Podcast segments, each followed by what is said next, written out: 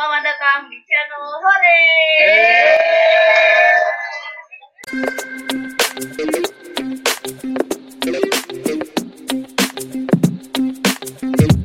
Nah, kali ini eh, saya Retno, anggota dari FIM Bogor 20. Udah sendirian nih, udah kedatangan salah satu keluarga dari FIM Bogor 20 juga. Mungkin langsung aja kenalan dulu kali ya. Kakak eh, siapa namanya, kesibukan saat ini apa? Dipersilakan. Assalamualaikum teman-teman. Aku Bagja Nugraha, anggota FIM 20 Regional Bogor.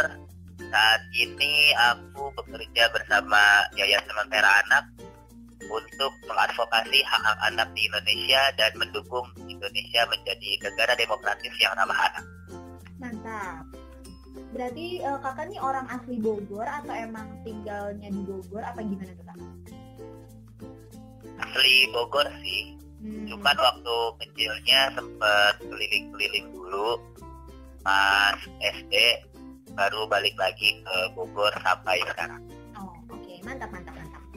Nah, langsung aja nih kak, Se- kakak ini kan istilahnya salah satu anggota FIM Bogor 20 yang udah punya personal brandingnya sendiri gitu. Jadi orang kalau misalnya dengar kata Bagja, Kak Bagja tuh udah tahu, oh ini tuh yang pegiat ini ya lentera anak ya atau gerakan tentang eh, misalnya edukasi eh, produk tembakau, rokok dan lain-lain. Mungkin bisa kakak jelasin? Emang iya ya? Eh, menurut aku iya, aku tahu. Oke oke.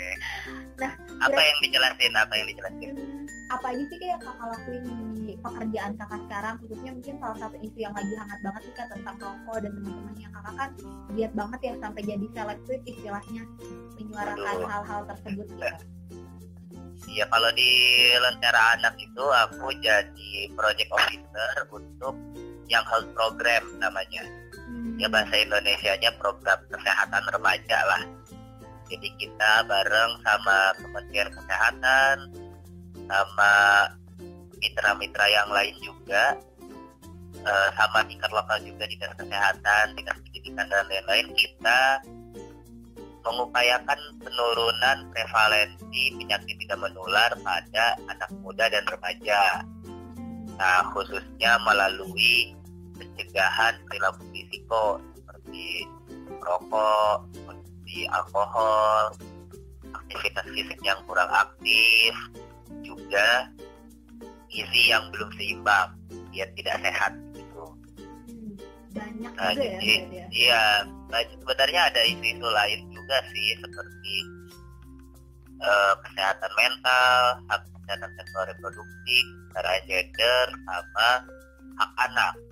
Karena memang ngurus kesehatan itu banyak aspek gitu kan. Iya benar. Nah sebelum aku coba eh tadi aku ngomong aku apa saya ya? sebelum saya coba gali-gali lagi soal detail-detailnya tadi, penasaran dulu nih kak, kakak nih sebetulnya jurusannya apa sih? Apakah misalnya kesehatan masyarakat atau jangan-jangan eh, seorang dokter gitu atau apa? Kalau jurusannya itu sebenarnya nggak ada nyambung-nyambungnya sama kesehatan. Jurusannya itu bahasa dasar Arab satu Wah. di UIN Syarif Hidayatullah Jakarta. Oh, Oke, Ui. Nah, itu kan jauh banget tuh Kak, sastra Arab. Dengan apa yang kakak kerjain dan tekuni, eh, tekuni ini gitu. Apakah kakak kerja di sini tuh karena terpaksa, kecemplung, atau memang udah ada interest dari dulu, bahkan dari zaman kuliah atau sekolah gitu Kak? Kalau eh, kenapa sekarang jadi aktivitasnya di urusan kesehatan, Hmm. Sebenarnya awalnya sih karena memang keluarga juga teteh aku gitu kan, aku mereka dokter, Hmm. mama juga bidan, kemudian karena sering berkegiatan yang unsur-unsur kesehatan gitu kan, kebetulan dulu juga eh, orang tua yang jadi ketua Notobe Community gitu kan akhirnya tertarik lah sama itu kesehatan khususnya soal pengendalian tembakau soal perilaku merokok gitu kan. Nah berhubung isu ini tuh bisa dibilang masih sepi gitu. Ya. maksudnya masih sepi tuh organisasi yang fokus berkecimpung di dalamnya nggak terlalu banyak dan masyarakat sendiri pun belum terlalu ngeh gitu kan belum terlalu memberi perhatian sama isu bandara tembakau ini awalnya sih gara-gara nonton film Sex Lies and Cigarette mungkin bisa cari di YouTube. Oke. Nah di situ ditampilin tuh problem soal rokok di Indonesia tuh ternyata gawat banget kan? Dan kita juga ngelihat bahwa permasalahan merokok ini bukan hanya soal seseorang itu merokok atau enggak tapi juga bagaimana industri rokok mengintervensi pemerintah menargetkan anak muda dan remaja yang ujung-ujungnya demi keberlangsungan bisnis mereka aja tanpa peduli sama kesehatan masyarakatnya. Hmm, berarti memang awalnya dari lingkungan sekitar kakak dulu ya dari keluarga emang backgroundnya banyak yang bekerja di bidang kesehatan gitu ya kak? Terus ngebentuk Iya. jadinya kakak suka dengan isu-isu kesehatan khususnya tadi karena nonton salah satu film ya iya betul. Jadi karena lingkungan karena dan kemudian akhirnya memantapkan niat. Eh, mungkin bisa diungkapin kan satu atau dua data tentang eh, tadi kan kakak lebih banyak apa ya bercerita tentang pengendalian tembakau kemudian juga fenomena rokok di Indonesia. Em- memang sudah separah apa sih kak? Mungkin bisa lebih detail lagi ada data apa gitu yang menarik buat kita ketahui. Soal data kemarin itu tahun 2018 Kementerian Kesehatan baru aja meluncurkan atau merilis hasil dari riset kesehatan dasar yang terbaru. Hmm. Jadi selama lima tahunan, lima tahunan sekali mereka menggelar riset kesehatan dasar. Nah fakta yang bikin kita miris ialah ternyata prevalensi perokok anak usia 10 sampai 18 tahun itu makin meningkat dari Riskesdas tahun 2013 yang sebelumnya bukan lima tahun lalu. Yang awalnya itu 7,2 sekarang naik jadi 9,1 persen. Perokok usia anak 10 sampai 18 tahun. Dan 9,1 persen itu nggak sedikit. Kalau misalnya di angkain lagi, dijabarin lagi itu sekitar 7,8 juta anak usia 10 sampai 18 tahun. Bayangin aja Ya. Stadion Gelora Bung Karno Hmm. ada 101 stadion Gelora Bung Karno isinya anak-anak merokok semua nah, kayak gitu itu salah satu datanya yang yang sekarang ini tuh jadi concern banget gitu yang bener-bener bikin banyak teman-teman akhirnya tergerak juga untuk berkecimpung di pengendalian tembakau Jadi kalau dari segi presentasi angka apa berdasarkan umur gitu ya usia-usia remaja milenial kayak gini yang justru meningkat gitu ya kayak itu yang mengkhawatirkan. iya justru eh, industri rokok itu memang menargetinnya anak muda gitu kan Hmm. karena yang dijual sama mereka itu kan adiksinya kan dari Iya. nikotinnya itu. Nah kalau misalnya rokok dewasa itu udah gak ngaruh-ngaruh lagi sama iklan. Jika mereka sudah kecanduan satu tertentu gitu kan, ya udah bakal gitu itu aja terus. Nah jadi iklan-iklan itu sebenarnya ditujukan buat anak-anak muda supaya mereka tahu bahwa ada produk rokok. Iklan-iklannya juga kan yang ditampilin petualangan, terus kemewahan, gitu kan. Nah apalagi iklannya itu banyak banget ditemukan di sekitar sekolah. Kebetulan waktu tahun 2015 Yayasan Lentera Anak bareng sama Stock Agents dan Yayasan Pengembangan Media Anak itu melakukan survei di lima kota besar. Hmm, mana aja tuh kak? Nah,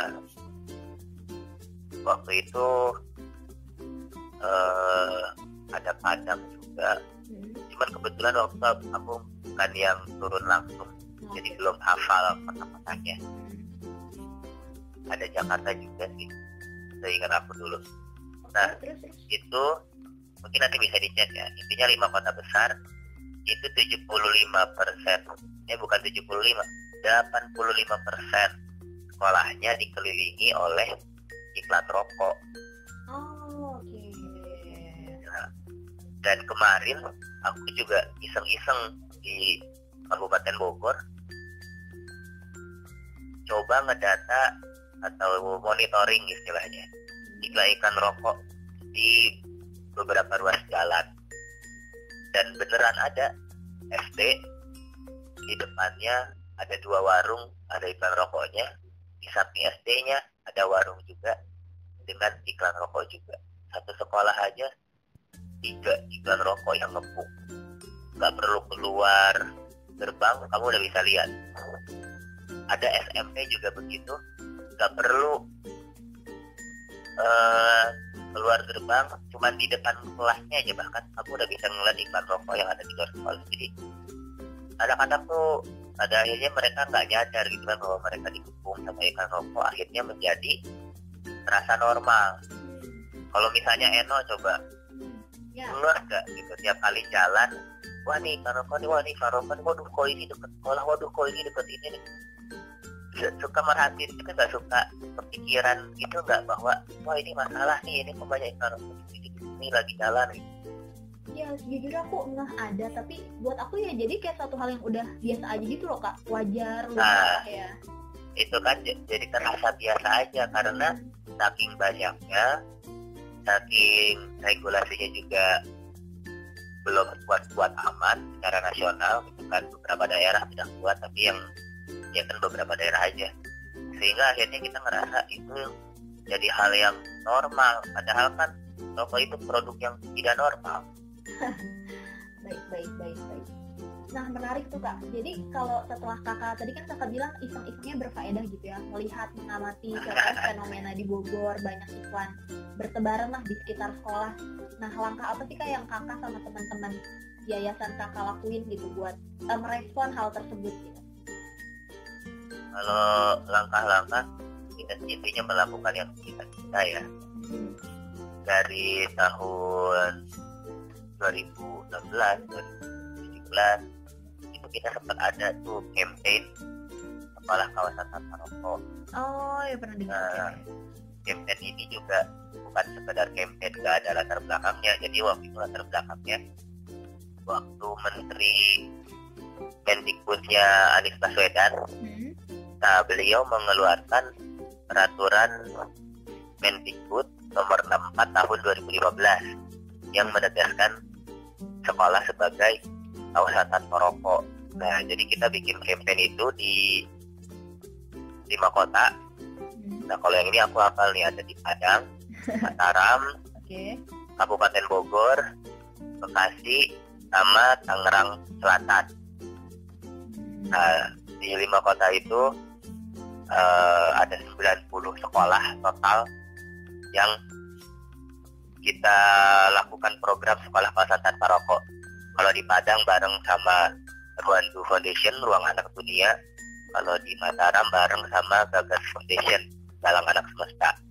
Jadi ada 90 sekolah, kita kasih kapasitas, capacity building, anak-anaknya, kemudian gurunya, supaya mereka ngeh gitu bahwa sekolah ini kawasan tanpa rokok dan bukan hanya nggak boleh ada yang merokok tapi juga jangan sampai anak-anak ini terpapar oleh iklan rokok jadi banyak akhirnya sekolah-sekolah yang atas inisiatif anak-anaknya sendiri mereka nyabutin tuh iklan-iklan rokok di warung-warung sekitar sekolah kerja sama sama gurunya sama eh, lokal governmentnya kayak kelurahan, kecamatan gitu kan.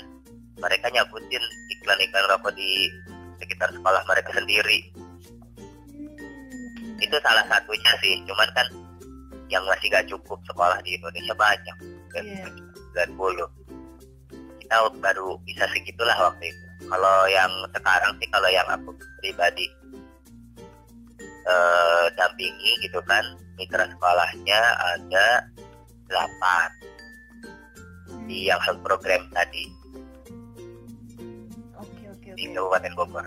Begitu. Berarti sebenarnya campaign dari kakak dan teman-teman ini bukan baru kemarin sore ya, udah betul-betul dari bertahun-tahun lalu dan sampai sekarang masih konsisten gitu ya kak dilakuin. Udah udah lama jadi Yayasan Lentera Anak sendiri udah dari tahun 2013 Lima mantap. dan kemudian diresmikan di tahun 2015 ya jadi kita terdaftar resmi gitu kan bisa dicek Oke, Nah. siap.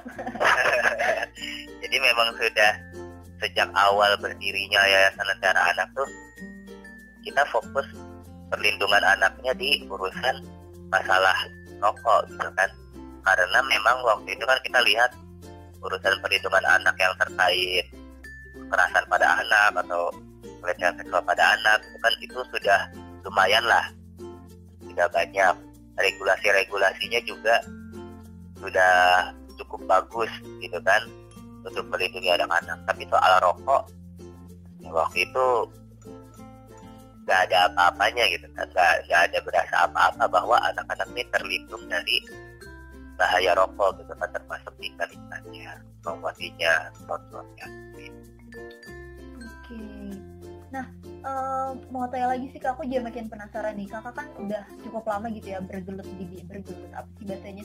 Ya, ya pokoknya mengkampanyekan hal ini gitu ya. Eh berkutat. Ya, alhamdulillah ketemu katanya. apa sih kak pernah ada tantangan tersendiri nggak sih kan saya kayak ketika ke sekolah tiba-tiba kayak sekolahnya aduh apa sih ditolak atau gimana? Atau respon anak-anaknya ada yang kepo nanya emang kakak jurusan apa? Kesehatan? Kok so ide banget gitu eh, menguasai bidang tersebut atau tantangan apa gitu kalau dengan sekolah-sekolah sih secara umum mereka senang dengan program ini gitu kan program kesehatan anak muda. Justru yang banyak gak senangnya tuh netizen di media sosial gitu kan. Oke oke ya gimana aku nggak tahu mungkin karena mereka belum terlalu kenal sama kita gitu kan. Jadi dia kurang paham atau gimana ya. Hmm, kayak contohnya eh kemarin ada yang rame-rame sempat masuk TV masuk berita. Tahu nggak ya Nok? apa tuh? Yang mana ya? Yang soal audisi badminton. Oh tahu banget kalau itu. Nah itu kan. Ya ya orang-orang pada bilang wah apa nih? Ya lentera anak. Hmm, memutus mimpi anak-anak gitu kan. Memutus harapan anak-anak kan. padahal yang kita inginkan adalah audisi bisa berjalan tanpa harus memaparkan brand image produk rokok kepada anak-anak gitu. Cuman ya gitulah banyak drama-drama lah mungkin bisa di cek ya di media-media gitu kan. Ini juga macam-macam sih ada yang kelihatan pro sama pihak seberang ada yang pro sama kita gitu. Nah itu banyaknya di media sosial tuh sampai beberapa hari gitu kan. Twitter rame ya Eh, pokoknya iya pokoknya nggak berhenti berhenti itu mention tembenan amat gitu kan. 10 tahun main Twitter baru kali ini gitu tiga hari. Agak beres-beres notifikasinya. Eh tapi isinya mati-matian. Ya ampun, aku sempat melihat itu ya kakak ini kuat sekali. Ya itulah sih kak, tapi netizen mungkin dengan tingkat pemahaman, tingkat pendidikan pendidikan dan background yang beda, penangkapannya juga beda-beda nggak sih? Kayak udah dia Ya, fans beda-beda. yang banget, nelan bulat-bulatnya gini. Ada yang pro, ada yang cons, bakal tetap ada gitu ya kak. ya jadi sebenarnya kita juga lihat-lihat Hmm. kayak teman aku juga dia lihat-lihat komenan netizennya seperti apa kalau misalnya komenannya ini terlihat bahwa dia adalah orang yang belum tahu dan memang memiliki ruang untuk mencari tahu informasi yang benar kita balasin kita jelasin. Tapi kalau komentarnya memang cuma buat maki-maki aja gak jelas itu ah itu udah pasti gak jelas. Ditangkepin gitu kan? Bener bener bener bener bener. Nah eh, dari apa ya proses proses perjalanan kakak di bidang ini pegiat gerakan sehat pemuda bla bla bla ini apa sih kak cerita menarik gitu? Misalnya ada nggak anak yang tiba-tiba dia mengaku bahwa misalnya dia ngerokok gitu terus berhijrah dalam tanda kutip saat setelah mendengarin kakak atau cerita menarik lainnya ada sih beberapa cerita. Apa tuh? Mungkin satu yang paling wow.